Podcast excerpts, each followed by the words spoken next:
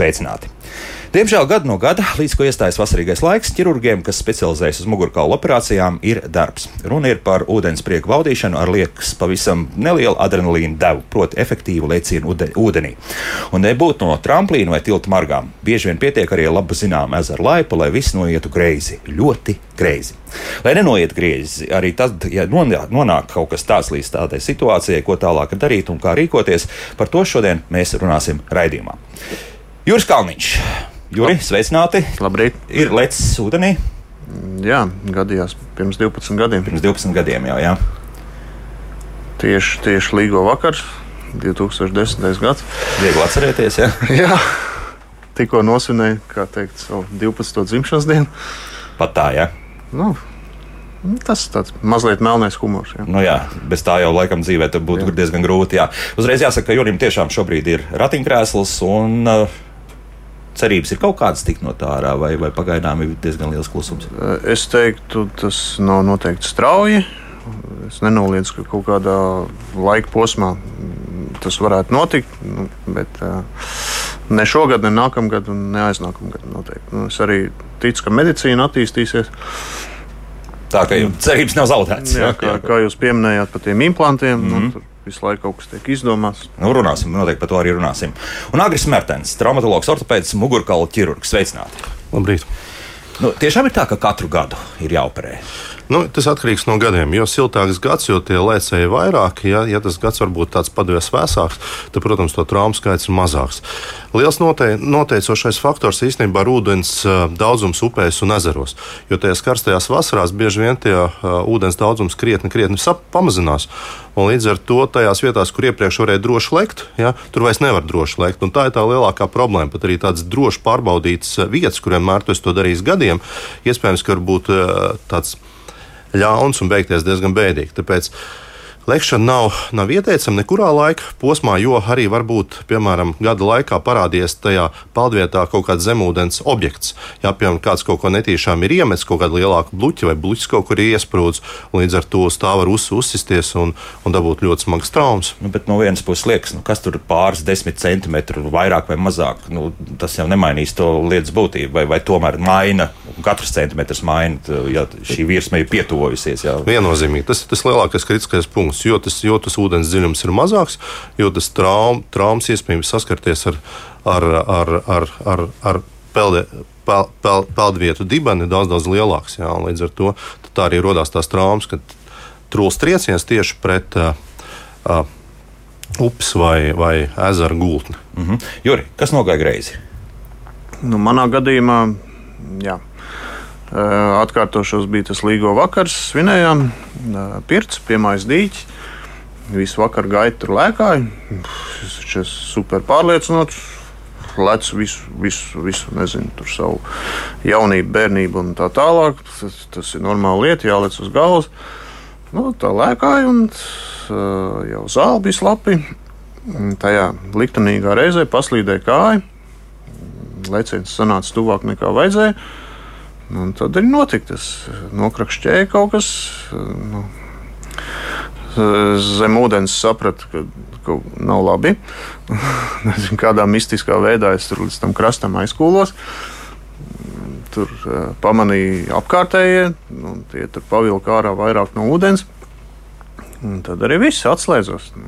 Nākamais, ko atceros, ir reanimācija.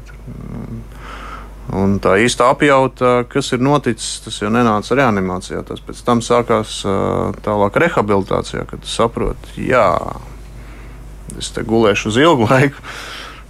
Tad, tad lēnām sācis saprast, kas noticis. Bet, jā. Tas ir viena liktenīga reize. Pāris sekundes. Un... Pāris sekundes, jā, un neatgriezenisks process notiek.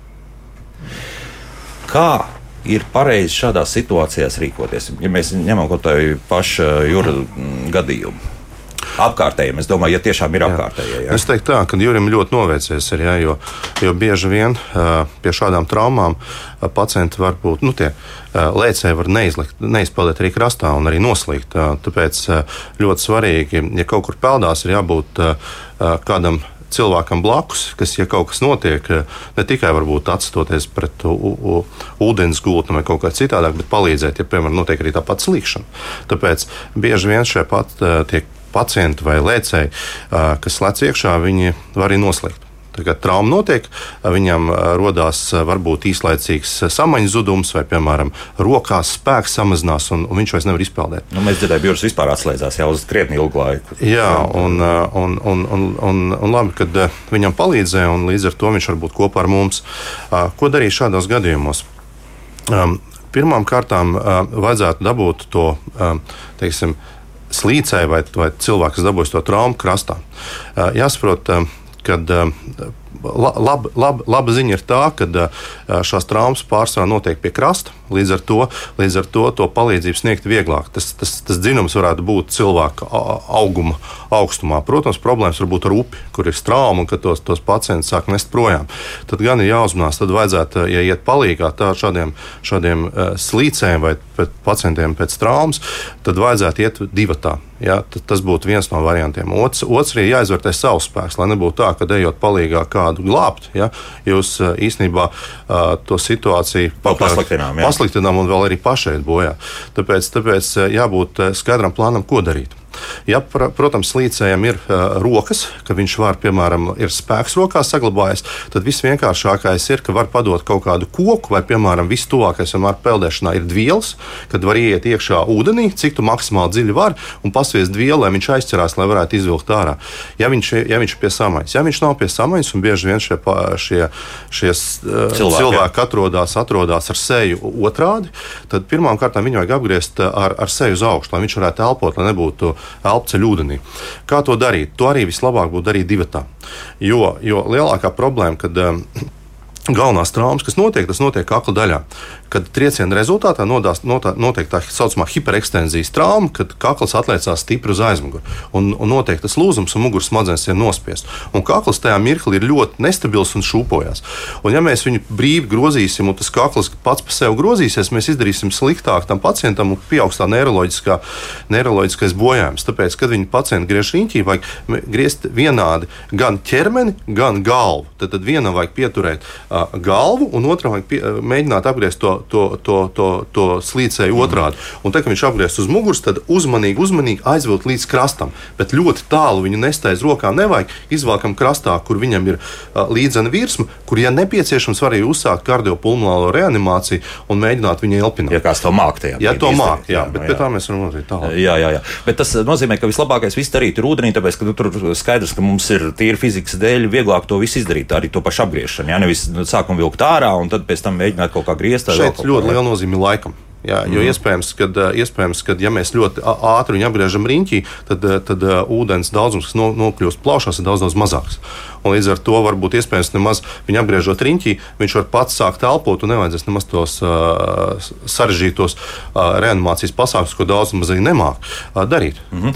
uh, Agri vai ir jāizvelk pavisam ārā, vai tomēr varbūt jāatstāj nu, pēc iespējas kaut kāda daļa ķermeņa ūdenī, ir tāpēc vienkārši, ka nu, ūdens palīdzēs drusciņi varbūt mazināt tā paša gaisa spiedienu kaut vai uz ķermeni vai vēl kā citādi. Nu, tāda liela pētījuma nav, cik tālu tur jāizvelk ārā, bet uh, tas galvenais princips princips ir, lai, tas, eh, lai elpceļi būtu ārā Jā. un tā virsma, ko reanimēt, būtu stabila. Ja? Mm -hmm. uh, jo tā ūdeņa reanimācija arī var būt uh, apgrūtināta ar to, ka var būt vēss ūdens, līdz ar to arī ķermenis atdziest. Tas viens varētu mo moments, otrs tas, kad arī, arī tie reanimācijas pasākumi, kur jātaisa mākslīgā sirds elpošana, kad visur šļākst ūdens un slīdens ir, ja, ir arī varbūt apgrūtinoši. Tāpēc es domāju, ka vajadzētu izvilkt tomēr līdz krasta līnijai, kur ir savs, kur ir, kur ir stabila virsma, tur ir arī vēlāk var pie, piebraukt ātrā palīdzība vai kāda cita plātēji. Nu, vienmēr sakot, un zvans, protams, 112, ja, nu, jā. neizbēgami. Juri, vai pēc tam, runājot ar tiem cilvēkiem, kas bija apkārt, uh, šo situāciju izrunājot, bija kaut kādas panikas pazīmes, vēl kaut kas tamlīdzīgs no apkārtējiem. Kas, kas notika tur? Esat par to runājuši? No. Nu, cik es atceros, tas uh, mājas saimnieks bija, protams, ļoti sa Satraukts, teiksim, satraukts jā, šokēts. Un, cik es dzirdēju, tas dīķis vai tika aizbērts vai kā. Pat tā, jā. jā, jā, jā viņam tas bija ļoti liels pārdzīvojums. Nu, noteikti tas ir nu, arī liels pārdzīvojums visai ģimenei, draugu lokam un tā tālāk. Nu, es domāju, tur ve vecākiem ir šoks, ne, ka kaut kas tāds ar bērnu atgadās. Jo, jo tas, tas pirmais, pirmie soļi noteikti ir svarīgi arī no tiem apkārtējiem. Jā, ja tie tādi ir, lai, lai, ne, lai nesāktos tiešām panika, ko tagad darīt. Viens kliedz, otrs vēl kliedz, un viens meklē telefonu, kur telefona nevienam nav, un vēl kaut kas tamlīdzīgs. Nu, tā arī tāda no, secīga rīcība. Es, es uzskatu, ka tur tika izdarīts viss kārtībā, ātrā mm -hmm. palīdzība tika izsaukta, un es tiku nogādāts uz slimnīcu. Nu, tur, tur veiksmīgi notika operācija, un man dzīvība tika glābta. Nu, tur, es domāju, viss vis kārtībā izdarīts bija nu, maksimāli. Kas tur tālāk var notikt? Nu, pieņemsim, labi, tagad ir viens no tad sprāns vairāk vai mazāk cieši ja, pie šādām nu, situācijām. Tā mugurkaula augšējā daļa. Tas mm -hmm. var būt arī pirmais, otrais, arī krūšu daļas kriemeļa, trešais, atkarībā no, no, no, no trieciena veida ja, un intensitātes. Tas, tas būtu viens. Bet, ja runā par pirmo palīdzību sniegšanu, tad, protams, es piekrītu, ka kad ir nepieciešams izsaukt ātrā palīdzību. Bet eh, mums jāsaprot viena lieta, ka ātrās palīdzības ierašanās eh, tomēr ir kaut kāds vismaz labākā gadījumā pilsētā. Tas ir 15 minūtes laukos, tas var būt arī 20. Un, un ja mēs viņu mēs... tikai paļausimies uz ātrās palīdzības spēkiem, ja mēs bieži vien to, to, to, to cietušo pacientu mēs zaudēsim.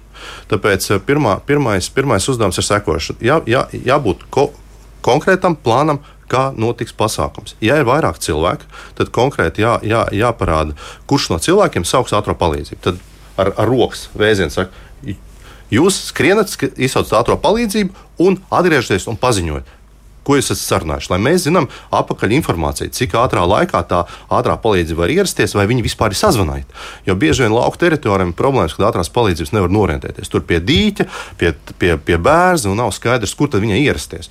Un tāpēc ļoti svarīgi do, nor, precīzi dot adresi, kur atrodas tas cietušais, lai ātrā palīdzība var ierasties. Un ar to nodarbojas viens cilvēks, ir, kas, kas to var darīt. -hmm. Ja mhm. cilvēku blakus nav, tad es, es noteikti darītu, ka pirmais es mēģinātu uh, palīdzēt uh, cietušajam, uh, dabūt viņu krastā, sākt kardiopulmonālo reanimāciju vai, vai vienkārši, uh, lai, lai viņam nebūtu elpceļu ūdenī un tad saukt ātrā palīdzību. Tā kā tā, tam, tam darbībam jābūt koordinētām, jāmēģina norentēties un saprast, cik tie spēki ir, vai jūs esat viens vai tur ir vairāki, un tad iziet no tiem apstākļiem, tad arī mēģināt racionāli pieiet šai problēmai. Tas nozīmē tā, ja tā pirmā skarbā mācība ir, ja tu viens esi aizgājis kaut kur lēkāt, tad izdzīvot tev ir salīdzinoši niecīgas iespējas. Ja? Protams, protams. Un tāpēc tas slīdēji arī ir. Ne visi viņi tur noslīdst, tāpēc, ka viņi nemāķi peldēt. Daudzi noslīdst, tāpēc, ka tiešām ir kaut kāda trauma bijusi, un dēļ tās viņi nespēja izpeldēt. Un patiesībā, ja arī tikai divi jūs ejat, arī tad jau ir diezgan liels problēmas. Jā, jo, jo ja, ja otra, otra ir sieviete, un jūs esat liels vīrietis, tad tā sieviete izvilkt ārā, ārā liela auguma vīrieti ir ļoti, ļoti grūti. Vai tās iemaņas un spēks viņai būs to izdarīt? Un tas arī tāds - tāds - pagriezt to vēl pareizi otrādi. Protams, jā, protams, protams. Tālāk, Runājot par sievietēm ir krietni mazāk, un vispār šādi gadījumi gadās? Jā, es teikšu godīgi, ka lielākais īpatsvars tie vīrieši. Ja, es savā, savā teiksim, 15 gadu pieredzē ar, ar, ar mugurkaula ķirurģiju. Um, man liekas, neviena sieviete lēcē nes operēs, bet uh, vīrieši praktiski katru gadu, uh, dažus gadus vairāk, dažus gadus mazāk, bet uh, vīrieši tas ir īpatsvars. Juri, nācās aprunāties ar ar pieredzes brāļiem, ja tā var teikt. Tās, tās situācijas arī esat analizējuši. Arī jā, jā, jā, noteikti. Un, uh, tas kopsaucējs visiem ir vienāds. Tas ir kaut kāds viens neapdomīgs solis, viena pārgalvība. Nezinu, neapdomība sauc kā to grib, bet nu, tas ir uh, jā, viens, viens, viens sīkums. Un, Un arī visi bija saka, pieredzējuši lecēji, pieredzējuši peldētāji. Visi bija pārliecināti. Nu, Tātad secinām, ka tā lielā pārliecība, ka es jau visu māku. Ja, nu, Drīzāk strādā pretējā virzienā. Jā, tas, tas ir nosacījums, ka nu, kaut kas notiks. Ir jēga baidīties arī. Jā, kā, Noteikti. Jā, jā. Kas notiek tālāk? Skaidrs, ka ātrā palīdzība ir atbraukusi. Viņi noteikti tur attiecīgi fiksē gan. Uh, visu augšdaļu, jā, ķermeņa, un varbūt es nezinu, cik tālu, tālu tālāk tiek fiksēts un piesprādzēts ar, ar siksnēm un tā tālāk tā laika faktors vēl joprojām spēlē savu lomu pēc tam? Nu, teiksim tā, tas izšķirošais ir tas, tas tieši tas traumas moments. Ja tā trauma ir ļoti nopietna un tas bojājums ir ļoti liels un muguras smadzenes ir bojāts, tad, protams, kad tāds minūšu jautājums, vai tur vairs tur nav. Tur iet, iet runa par mugurkaula fiksāciju, lai tā mugura būtu stabila. Un, uh, tas jau notiek plānveida kārtā, teiksim, pirmās dienas laikā. Ja, jo, jo bieži vien tajos rajonos, kur aizved tos pacientus, nav uz vietas mugurkaula ķirurgs. Jo, piemēram, Liepājā ir labā ziņa, kad uh, kad uz vietas mugurkaula ķirurģija ir jā, un aizdodas Liepājas. Jūs esat Liepājas ārsts. Uzreiz. Jā, es jā. esmu no jā. Līdz ar to mēs to, to palīdzību varam sniegt nu, samērā ātri. Pat ja reizes mājās, tad var aizbraukt stundu, divu stundu laikā un to izdarīt. Ja tas notiek reģionos, tad tur no sākuma, kamēr dabūt katastrofu medicīnas centru, kamēr atbrauc vai nu katastrofu medicīnas centrs vai viņi pārved uz Rīgu, tad tas, protams, ir laiks. Bet tam laikam nav tik liela izšķiroša nozīme, jo, jo, jo es saku, ka lielākā problēma ir tas neiroloģiskais bojājums, kas ir radies tieši tajā traumas momentā. Tas Tur, būtu viens. Vai, vai tas nozīmē, ka tikai kustību traucējumu un nu, teiksim, paralīze ir vienīgais teiksim, pie šādām traumām, tas būtiskākais, vai arī teiksim, elpošanas uh, problēmas varētu rasties un vēl kaut kādas citas lietas, kas jau tieši konkrēti apdraud cilvēku dzīvību. Jā, viennozīmīgi, jo, jo pacientam pie augstiem bojājumiem, nerelo, uh, muguras smadzeņu, arī elpošanas starpība muskultūra nestrādā tik labi. Viņam pie, pie, pielāgoties pie jaunas elpošanas režīma ir ļoti, ļoti grūti. Un sākotnēji viņam ir tiešām tāds, tāds elpas trūkums, kamēr viņi pie tā adaptējās. Tas, tas viennozīmīgi tas tā ir pirmajos, pirmajos mēnešos. Tad pirmajos mēnešos jau tā bija. Ja? Jā, noteikti. Es atceros, ka man te kaklā bija tā, kā viņi saucās, tracheostoma. Mm -hmm. Un, jā, tieši par to elpošanu arī ķirurgs man mācīja, ka kaut kā ar diafragmu jācenšas elpot. Un, tai elpošanai nav jābūt seklai, bet jācenšas elpot dziļāk, lai tas plaušas attīrās, jo tomēr tur ir bijis ūdens un kaut kādas gļotas izveidojušās tajā. Nu, tajā slīkšanas laikā, un, nu, tam visam ir jātīrās un plaušām jāventilējās. Jā, nu, teorijā tagad, eh, vai kā saka, pēc kaujas viss ir gudri, ja, tas izklausās viegli, ja, bet, nu, kad tu esi tajā situācijā, nu, jā, tur ir ko pacensties. Ja, liekas, elementāra lieta elpošana, ne, nu, tas ir refleks līmenī, nu, bet nē, tur Izrādās, jā, jā, jāpiedomā, jā, jāpadomā, jā. Un tas ir nedēļām ilgi. Ja? Es pat teiktu, mēnešiem, mēnešiem ilgi. ilgi jā, jā. Tad ir šādi, šādi treniņi. Jā. Nu, mēs jau uz rehabilitāciju aizgājām, bet par rehabilitāciju runāsim vairāk um, nākamajā pusstundā. Un tomēr. Vai vienmēr ir operācijas pēc šādām traumām, vai, vai tomēr dažreiz tiek pieņemts lēmums, ka nu, tur mēs tikko nu, apmēram jā, rengens tiek uztaisīts, nu, tad paliek tā kā ir? Nu, tā, 95% tiek operēts, jā, jo, jo skriemelim salūstot, bieži vien šķēmas iet iekšā mugurkaula kanālā. Un, uh, tas uh, spiediens ir jānoņem no muguras smadzenēm, lai, ma, nu, lai, lai būtu nākotnē iespēja, ka tās muguras smadzenes varētu atjaunoties. Uh, cik daudz tas notiks, tas, protams, parādīs tuvākie gadi. Citiem tas ir labāk, labāk rezultāts, citiem ir sliktāk. No, no manas pieredzes ir, ir gadījumi, kad ir arī pacienti pēc traumām arī dziļi neiroloģija ir sākuši staigāt, bet tas, teiksim, tā, tas skaits ir ļoti, ļoti mazs. Lielākā daļa, protams, paliek ar dziļu neiroloģiju, tie ratiņkrēsls vai labākais, svarīgākā lieta, lai īstenībā tiem pacientiem, kam tāda veida trauma ir, lai darbotos rokas. Jo, ja ir augsts bojājums un, un, un, un rokās spēks ir ļoti mazs, tad ļoti grūti sev apkopot. Un tā ir tā lielākā problēma. Tāpēc operācijas taisām mēs bieži, lai mugurkauls ir stabils, lai iespēja tā muguras smadzenēm būtu atjaunoties. Protams, ir man bijušie gadījumi, kad lēcējiem tas kriemelīts ielūst tik nenozīmīgi, ka tās muguras smadzenes netiek traumētas. Un, teiksim tā, tie cilvēki tādā laimes krekliņā dzimuši.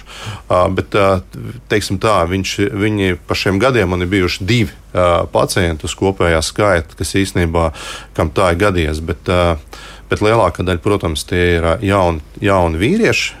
Un, pārstāvā tiešām viņi paliek ratiņkrēslā. Paliek ratiņkrēslā. Un, nu, paskatījos internetā, nu, ko tad šobrīd šajā jomā, teiksim, arī cilvēkiem, kas ir paralizēti, nu, piedāvā jaunās tehnoloģijas. Nu, it kā esot klīnikas, un vismaz tā viņas sev reklamē, ka arī speciāli implanti tiek likti, un šie implanti, nu, tā, tā neprofesionāļu skatu veroties, nu, ir apmēram tā, tā kā tāds elektrības pagarinātājs, kurš starp diviem bojātajiem, teiksim, muguras skriemeļiem ieliek tādu pagarinātāju, kur, un attiecīgi šie tālāk elektroimpulsi tiek novadīti no tām veselām smadzenēm tālāk uz, uz to daļu, kas atkal ir vesels. Ja? Nu, tā kā tāds tiltiņš uzbūvēts. Cik tas viss ir reāli? Nu, viņi tur sola, ka jā, cilvēki sāk staigāt. Šajā jomā tur gan bija runa par drusku zemākām vietām, ja? kaut kur jostas vietu un tā tālāk. Tur drusku augstāk, ja šie skriemeļi, kur ir bojāti. Vai šeit sprāns ir šobrīd kaut kādā veidā ar implantiem jau remontējams vai nē? Nu, diemžēl, kad uh, uz doto mirkli es nezinu, kādas tādas jaunas tehnoloģijas, kas varētu atjaunot tās muguras smadzenes. Un uh, bieži vien mums jāstāsta arī diezgan kritiski, jo saprotat, lai, lai uztaisītu liels pētījums vai arī taisītu sarežģītas medicīnas lietas, vajag arī ļoti lielu finansējumu. Un līdz ar to daudzas kompānijas arī mēģina piesaistīt šādā veidā. Uh, Papildus finansējumu, papildus finansējumu jā. Jā, lai, lai, lai varētu tos pētījumus atbalstīt, jo tie pētījumi ir dārgi. Un uh, otrs, otrs etaps ir tas, ja arī viņi ir veiksmīgi, lai viņus dabūtu līdz līdz gala produktam bieži vien paiet uh, 10, 15 gadu certificēšanā vien. Jā, jo, jo, kā mēs zinām, visi implanti tiek certificēti un viņi visi, kas liek iekšā, ir pārbaudīti un droši. Uh, uz doto mirkli es nezinu, nevienas tādas tehnoloģijas pat arī pietuvināts, kas varētu atjaunot, atjaunot bojātās muguras smadzenes. Pagaidām, par ko iet runa? Jā, mēs izmantojam arī Latvijā 3D printētos implantus. Mēs fiksējam, mēs ņemam ārā bojātos diskus, jo bieži vien lūzuma mirklī arī sabojāts disks, un tad tā diska vietā ieliekam to 3D printēto implantu. Bet viņa funkcija ir tikai nodrošināt stabilitāti. Uh -huh. uh, un, nu, tas nav aktīvs vienmēr. Sakot, viņš nav, viņš nav jā. aktīvs, jā, un, un līdz ar to tas mugurkauls nekustās un tas lūzums ir stabils. Tik tālu vismaz ir. Jā, jā tik tālu mēs esam. Tie, tie, tie rezultāti 3D printētiem implantiem ir ļoti labi. Viņi ļoti labi ieaug organismā. Uh, un, teiksim tā, viņi sevi ir attaisnojuši uz doto mirkli. Bet neiroloģiskais bojājums, tas, protams, ne, protams, nav tāda implanta, kas viņus varētu atjaunot. Jo, principā, to jau mēs arī savulaik, arī dr. Gulbis šeit mums ir studijā runājis, ka, jā, ka faktiski jau šie nervu galiņi ir, ir nu, tik nu, tāds putriņi bez mazā, ja, kur, kur savākt ir ļoti grūti. Ja. Protams. Tā, tā ar to ir jārēķinās. Mm, bet, principā, visas operācijas pēc tam ir veikmīgas. Nu, tādā ziņā, ka, ka, ka cilvēka dzīvībai vairs pēc tam briesmas nedraud. Jā, ir, ir sekas nenoliedzami, jā, bet, bet, bet nu, tomēr cilvēks ir atgriezis nu, zināmā mērā normālā dzīvē. Ja? Nu, kā to teikt, normālā dzīvē, jo, jo tā ar to operāciju viss nebeidzās. Jūs arī teicāt, ka tas lielākais kritiskais moments radās tad, kad tā operācija ir paveikta, tiem pacientiem ir vēl tāds, tāds cerību mirklis, mm -hmm. ka tas viss tagad ir izdarīta operācija, un tad nu, paies nedēļa, paies divas, paies mēnesis, nu, tad, tad atgriezīsies tas viss. Un, um, un, un paiet tas, tā nedēļa, nekas ne, neuzlabojas, paiet divi, paiet trīs. Jā, varbūt tā uzlabošanās ir, bet ļoti, ļoti lēna, tā kā viņš gribētu. Un tad pienāk kaut kāds trešais, ceturtais mēnesis, jā, kad ir tas psiholoģiskais kritiens, kad tu saproti, ka īstenībā situācija ir tāda, kāda viņa ir uzlabojumi īsti nenotiek tik strauji, kā tu gribētu. Uh, Prognozes arī neviens nesola, un tad notiek tas. Uh, tas uh, sevis pārvērtēšana. Ja, un, un, un, un šajā mirklī ļoti liela nozīme ir ģimenei. Cik liels atbalsts nāks no, no apkārtējiem, kā viņi visu to pieņem, kā viņi iesaistās savā aktivitātēs, vai viņš ir viens, vai viņš kopā ar pārējiem ir. Tas ir, tas ir ļoti psiholoģisks moments, pat, pat svarīgāk pārvarēt nekā varbūt to, to operāciju vai vai kaut ko citu, jo, jo te notiek integrācija. Kā, kā tu savā jaunajās apstākļos dzīvos ar saviem draugiem, paziņām, darbu un vispārējo. Bieži vien jau arī darbs tiek pazaudēts. Tā ir jauna dzīve. Jūs nācāt mainīt arī darbu. Mums ir bijuši šie gadījumi, un, un cilvēki pat ir izdarījuši zināmas secinājumus, un pat ir pakāpšies jaunā līmenī pēc būtības. Ja, nu, teiktu, nācās darbu. mainīt ne tikai darbu, bet nu, visu dzīvi apgriezās pilnīgi otrādi. Nu, jā, ja es pirms traumas strādāju celtniecībā, nu, tad loģiski ratiņkrēslā tas nav iespējams. Nu, tur, laika gaitā iemācījos ar datoru apieties, nu, pārcēlos uz oficiālu. Nu, tas arī. Bet tā profesijas mainīšana tā nav tā pati sarežģītākā lieta. Mhm. Sāksim ar to, ka iemācāmies paši pāriest. Tas jau ir sasniegums. Pēc tam jāiemācās sev apkopot. Nu, nezinu, elementāras higiēnas lietas, noskūt bārdu, no, nomazgāt seju tas jau bija sasniegums. Pēc tam nākamais ir uh, gultā pagriezties. Pašam pagriezties, ka tev kāds negroza. Tad uh, uz, uzvilkt zeķes. Ticiet man, tas iesākumā var aizņemt līdz pat stundai, ja tur abas zeķes uzvilkt un noģērbt. Pēc tam nākamais grūtais ir bikses uzvilkt. kas liekas, uzvelkam bikses, pieceļamies, ejam. Aha, kad rokas, jā, jo rokas kad, kad rokas ir vājas un tu gulēji gultā, nu, tas atkal ir uz stundu aizņem jā, iesākumā.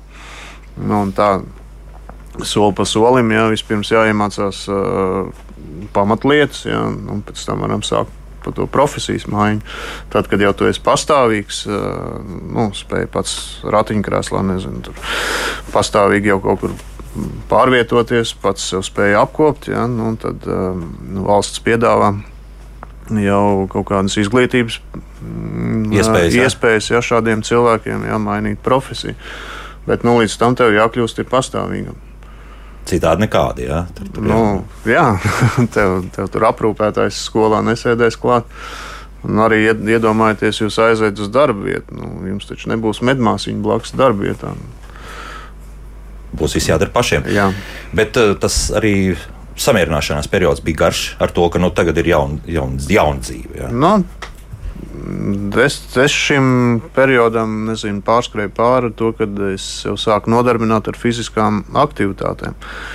Uh, nu, sāku nodarboties ar sportu. No sākuma vienkārši tā bija nezinu, hanteļu cilāšana, kaut kāda tur kilogramu hantelīte cilā, pēc tam braukšana ar ratiem, pēc tam jau, kad tiku sabiedrībā ārā. Tad jau man tur pārķēra, iesaistīja vieglu atlētikā, ratiņu basketbols bija, padarbojos ar bodybuildingu. Pats, Nu, kaut ko darāt joprojām. Es vienkārši pēc rokām redzu, ka Nu, jā, jā, ir, protams. Un pats nozīmīgākais bija ar speciāliem ratiem brauc maratons. Tur tika nobraukt arī septiņi maratoni. Nu, un viss tas sportošana, ja, nu, tas tev nodarbina prātu, nav laika visādām muļķībām, domāt, tur, nezinu, ka dzīve ir Jābeidz, slikta, jā, un, vispār. Jā. Mhm. Un otrs ir, tas ir rehabilitācija. Jo, kā man ķirurgs paskaidroja, vecīt, tev vienīgā iespēja ir sportot, ja tu gribi kādreiz staigāt. Tā, un pie tās rehabilitācijas tūlīt arī ķersimies klāt, bet pirms tam mūzika, un pēc mūzikas tad runāsim jau arī par to nākamo posmu, ļoti svarīgu. Kā labāk dzīvot? Tu- Šodien mēs runājam jā, par tādu nepatīkamu lietu, pie, kam ir pievērsus uzmanība arī slimību profilaks un kontrolas centrs ar savu akciju Nelec. Tāda leciena ūdenī, pārsvarā jau uz galvas visdrīzākais mums jāsaka, ja, jo citi, teiksim, ja mēs lecam uz kājām, tad traumas var būt, bet tās noteikti būs krietni mazākas. Doktor, kā tur ir? Nu, To es saku Agrim Mertenam, jā, traumatologam un murkalu ķirurgam. Jā, nu, es teiktu, tā, ka, protams, kad, uh, viens no tādām uh, ar, ar lielāko neiroloģisko bojājumu iespējamību tas ir lēciens uz galvas, ja, bet arī lēciens uz kājām var būt bīstami dažādos veidos. Pirmkārt, var arī salauzt ekstremitātes, un, un tad bieži vien gadās situācija, kad pacients vienkārši nevar izpeldēt. Bet nevienmēr jau mēs piezemējamies tieši uz galvas vai uz kājām. Var gadīties, ka mēs arī piezemējamies uz pašas muguras. Un līdz ar to tie, tie lūzumi var būt arī jebkurā skriemeļa daļā. Varbūt arī gan krūša, gan jostas, gan arī krusta daļā. Un, un, un tie bojājumi var būt tikpat nozīmīgi un tikpat lieli kā arī kakla daļā. Tāpēc es teiktu, ka kopumā jā, jāizvērtē lekšana. uh, un, ka Tas ir bīstams pasākums un var beigties ar ļoti nopietnām traumām. Vienalga, kādā veidā mēs to mēģinām darīt. Ja? Juris Kalniņš arī šajā studijā pirms 12 gadiem tieši Līgo svētkos paslīdēja uz laipiņas, un, un diemžēl nu, tam bija diezgan pamatīgs seks, jā, mēģinot likt ūdenī. Jā, Juris šajā studijā, un attālināti šobrīd esam sazinājušies arī ar Andu Nuli, Nacionālā rehabilitācijas centra Vaivaru valdes priekšsēdētāju, fizikālās un rehabilitācijas medicīnas ārsti, ģimenes ārsti. Anda, labdien! Oi, atvainojos! Tā, tagad Anda, labdien! Labrīt! Labrīt, jā, varam arī teikt tā. Um, un mēs esam nonākuši mūsu raidījumā līdz sadaļai rehabilitācija. Anda, daudz šobrīd cilvēku, kas uh, tiešām ir neveiksmīgi lekuši ūdenī, atrodas šobrīd vaivaros. Tā, nu, ir jāsaka, neraugoties uz karsto vasaru, šobrīd, tieši šobrīd, šogad ielekušie tie mums vaivaros vēl nav, un es ļoti ceru, ka nebūs. Bet, diemžēl, tā pieredze rāda, ka katru gadu, pēdējos gados gan samazinās šis skaits, bet katru gadu vidēji līdz desmit jauniem, jauniem cilvēkiem muļķīgas pārgalvības dēļ uh, turpina pie mums rehabilitāciju pēc ķirurģijas, lai spētu dzīvot tālāk dzīvi riteņkrēslā. Tā, kā, nu, tā statistika ir nepielūdzama. katru gadu ir cilvēki, kas tomēr ir lekuši uz galvas rūde, ūdenī, neraugoties uz to, ka, man liekas, nu, tik daudz kampaņas un, un runas un sarunas par šo tēmu ir, ir veikts, bet, diemžēl, tas turpinās. Tam ir kaut kāds eh, skaidrojums, kāpēc tas tā turpinās, vai nu, vienkārši nu, tas tā ir, un, un tas tā arī nu, būs vairāk vai mazāk, patiks jauniem vīriešiem lekt eh, ar galvu ūdenī pārsvarā. Un, Nu, dažreiz tas mm. beigsies. Nu, jo mēs saprotam, ka noteikti tiek vasarā izdarīti pārdesmit tūkstoši tādu lecienu, ja, un, un tie neveiksmīgie ir tiešām ir skaitīti uz, uz, nu, uz, divām, uz diviem roku pirkstiem, ja, vai, vai, vai, vai druskuļi vairāk. Mm -hmm. nu, es gribētu tā, ka tam tā nevajadzētu būt. Un tas tā, es ļoti ceru, ka nebūs, jo mēs varam skatīties uz Skandināvijas pieredzi, kur faktiski tādi gadījumi ir retums, varbūt viens vasarā. Runājot ar savu kolēģi Dānijā, bija gadījums, nu, mēs runājam, kāpēc pie mums ir tik daudz. Viņš saka, jā, pie mums arī bija divi Kopenhāgenā. Viens bija viestrādnieks no Latvijas, otrs bija viestrādnieks no, no Polijas. Un, un jautājums, kā jūs panākat, tātad profilaks kampaņa nav tikai tajā brīdī, kad ir karsts profilakses kampaņas ir cauru gadu. Skolā par to runā, par to runā bērngārzā, jo patiesībā ir jārunā ar vecākiem, kas rāda piemēru. Nu, ir vienkārši jāieaudzina no bērna kājas tas, ka pārgalvīga mm, rīcība ir stulbums, nevis drosme. Un jāiemāca, ka faktiski jebkurš, kur ja, ne tikai pašam, bet ja mēs redzam, ka kāds rīkojas nesaprātīgi vai vienkārši neapdomīgi, tad tas ir jāattur. Un es domāju, ka šī ir varbūt tāda sabiedrības izglītošanas un audzināšanas uh, nu, jautājums. Saka, darbs. Jā, jā mm. tieši tā, mm. jo tādām traumām nav jābūt. Bet, bet, protams, vēl ir vēl viena lieta, kas arī, arī ir, nu, pat lasīja plašu Kanādas pētījumu. Un mūsu dati ir tieši tādi paši. Lielākā daļa, 50% gadījumu ir alkohola vai narkotika reibums. Un jocīgi, kad ir arī tā, ka 30% no šiem pacientiem ir apzinājušies risku, bet vienalga darījuši. Nu, tā tad, nu, kas saka, tā cilvēka daba ir, ir gribas riskēt. Un tas arī notiek. Jā. Starp citu, doktoram Mertenam es jautāšu, arī ir kaut kādas domas par to, ko varētu darīt, lai, lai šie gadījumi, nu, principā izzust. Jā? Ir kaut kas tāds, kur varētu mēs valstiskā līmenī par to domāt. Jā? Jā, es domāju, ka pirmkārt vajadzētu sākt ar izglītību. Un izglītība jāsāk ar skolām. Viena lieta svarīga, man, mums arī īstenībā vajadzētu padomāt arī. Kā sniegt palīdzību, apmācīt cilvēkus? Jo mums jāsaprot, ka ātrā palīdzība vai ugunsdzēsēji līdz tam notikuma vietai bieži vien brauc 23 minūtes un pusstundu. Un šis ir kritiskais laiks, kad īstenībā tie pacienti tiek zaudēti. Tāpēc mums jābūt pārliecinātiem, kāda būs tā darbības schēma, ko mēs darīsim. Un tāpēc man liekas, arī valstiski vajag domāt, kā, kā tos cilvēkus apmācīt, sniegt pirmo palīdzību šādos gadījumos. Un tas, tas ir ļoti, ļoti svarīgi. Tas vēl papildus, ko es domāju, ka vajadzētu arī aprīkot papildus pa, pa, peldētājus ar speciāliem drošības līdzekļiem, jo, jo mēs jāsaprot arī vēl vienu lietu, ka mēs nevaram katrā peldēšanas vietā nolikt cilvēku, kas var būt glābējs. Jo tīri cilvēku resursu un finansiālo dēļ tas nav iespējams. Bet, ja katrā peldētājā varētu būt drošības riņķis vai kādi citi uh, līdzekļi, piemēram, tas pats arī um, imobilizācijas dēls, jo īstenībā uz imobilizācijas dēļ ļoti viegli uzlikt šādus pacientus. Viņi peldoši, viņus ieliek ūdenī, tu piepeldini to dēli klāt pie tā pacienta, un tu viņu papeldini zem viņa apakšā. Un tu vari ļoti droši piestiprināt, un tu viņu izvilkt ar krastā.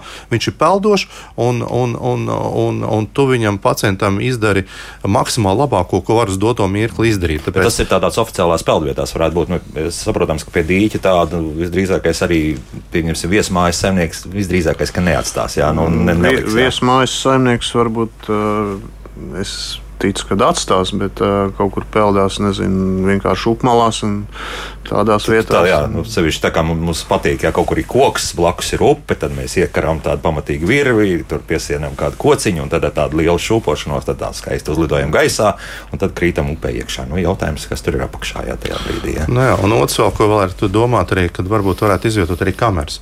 Tas nav obligāti, kad, ka varbūt var saslēgt tīklā lielākā, kad, kad arī ugunsdzēsību dienas vai policija to tās vietas apmēram redz. Un, ja kaut kas notiek, tad viņi var dot tālāk izsaukumus un, un braukt uz to vietu, vai arī kaut kā apzināti tuvākās brigādes, kas atrodas tajā vietā. Tā kā es domāju, ka politiski tur ir jādomā arī, arī šādā veidā, kā, kā, kā uzlabot šīs visas peldvietas un kā apmācīt cilvēkus. Varbūt tas jāsāk arī jau no bērna kājas. Nu, jā, tā kā arī dr. Nula teica, jā, kur faktiski Skandināvijā sāk no bērndārza. Es, es pareizi to sapratu, jā, doktor?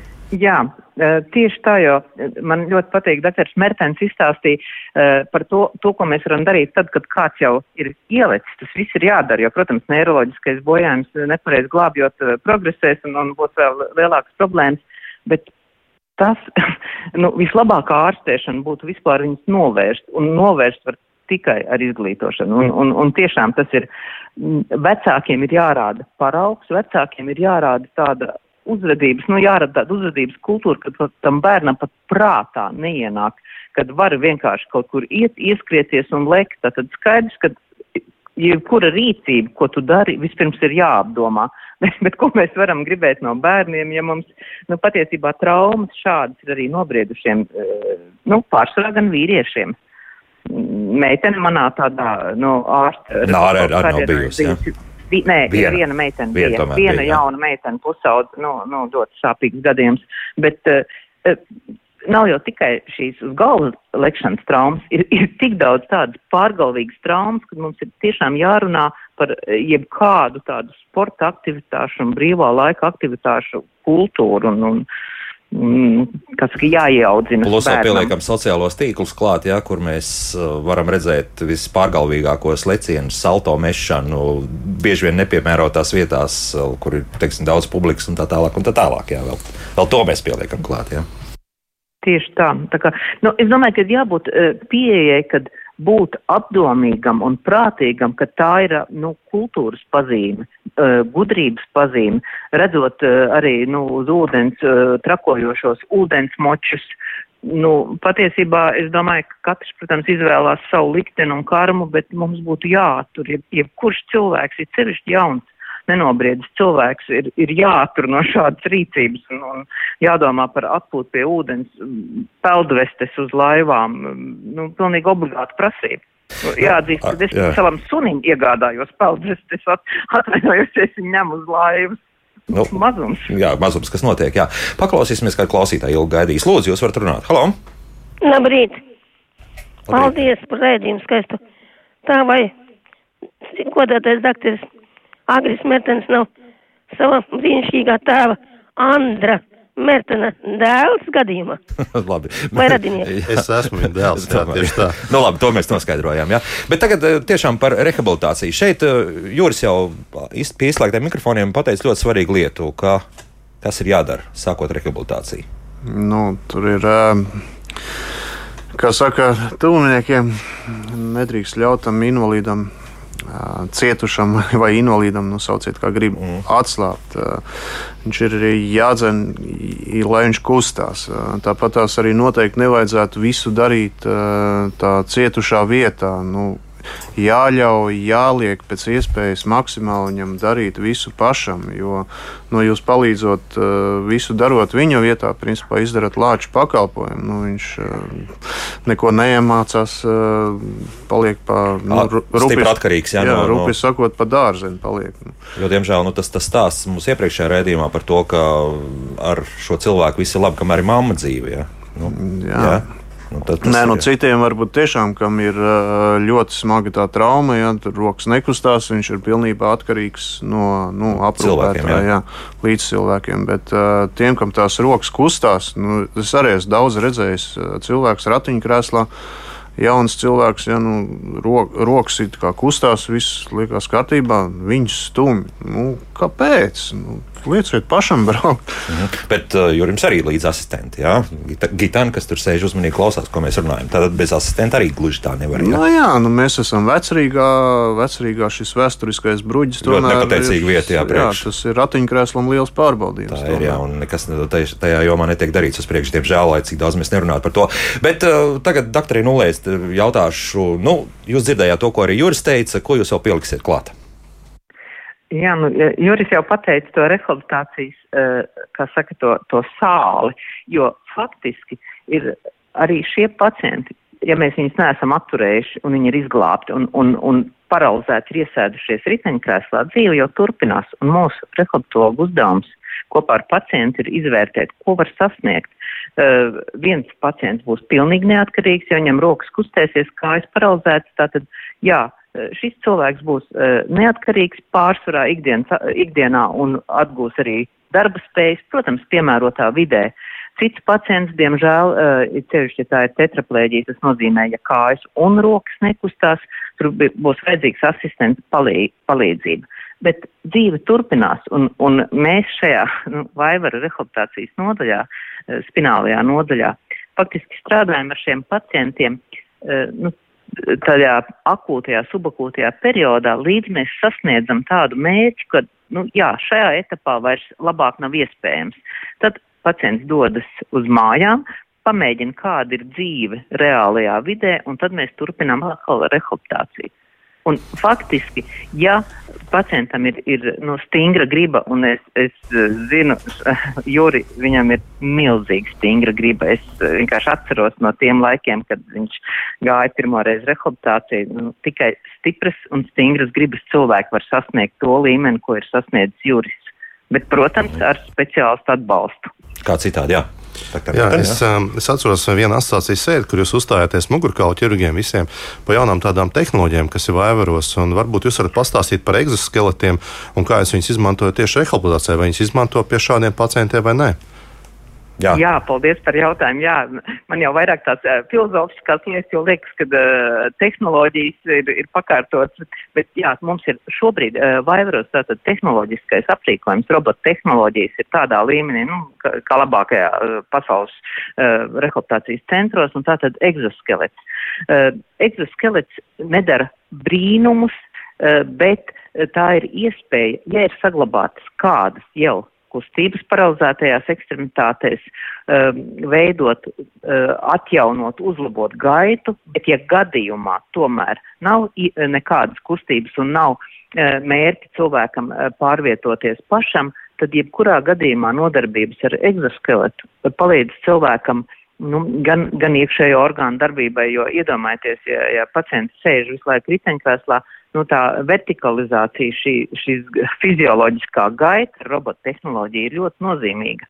Tā kā šāda tehnoloģija mums ir pieejama un uh, spinālo pacientu rehabilitācijas nodaļā tas ir stacionāri pacientiem, bet tikpat labi viņi var izmantot arī ambulatori, tātad tie pacienti, kur ir agrāk jau, uh, kā saka, iesēdušies riteņkrēslā, jo ir būtiski staigāt, būtiski trenēt uh, ķermeni Un nu, dažādu iemeslu dēļ, ne tikai iekšējo orgānu, arī osteoporozi un nu, daudz dažādas lietas, kas uh, tomēr uh, seko pēc šādas smagas traumas.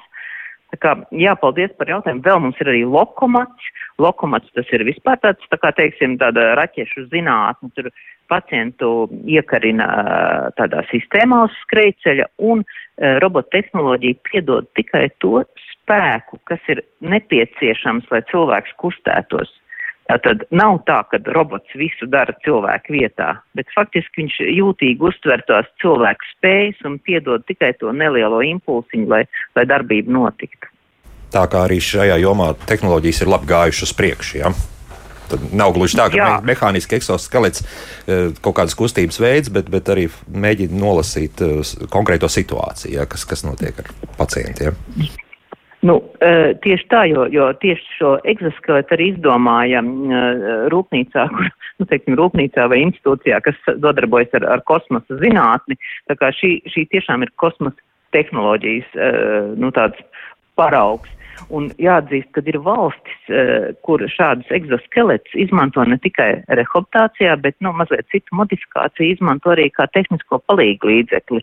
Eh, tātad staigāšanas robots, ko var, izviet, eh, ko var izmantot nu, paralēli riteņkrēslam. Nu, tās, protams, ir ļoti eh, nu, dārgas ierīces. Jā, bet tādas jau pastāv. Jā, tādas jau pastāv. Jā. Mums jābeidz, mums pēdējā minūte ir palikusi raidījumā. Nu, ko? Man, man iepatikās tā doma par to, ka tam dēlim tajā peldvietā tomēr vajadzētu būt ar, ar paskaidrojošiem rakstiem. Vienreiz katrs pievērsīs tam uzmanību, kāpēc tas dēls tur atrodas tas varētu ļoti labi strādāt kā tāds aģitācijas plakāts. Ja? Es piekrītu, ka psiholoģiski tas Jā. vienkārši atļauj aizdomāties, ka katra neapdomīga rīcība uz ūdens var beigties uh, dažreiz pat arī letālam sekām. Jā, tieši tā. Un varbūt tam ir arī zināma nozīme. Jā, tad tā nebūtu slikta doma, ka ne tikai par peldriņas, bet kaut kas arī tāds. Juri, es novēlēšu, nu, es nezinu, cik gadi vēl paies, bet uh, to maratonu vai nu noiet, vai noskriet. Jā, uz to iesim. Iesim, neizbēgam. Varbūt tas būs ar eksoskeleta palīdzību vai kā citādi. Jā, bet Lai bet kā, jā. no šiem ratiņiem ir jātiek vaļā.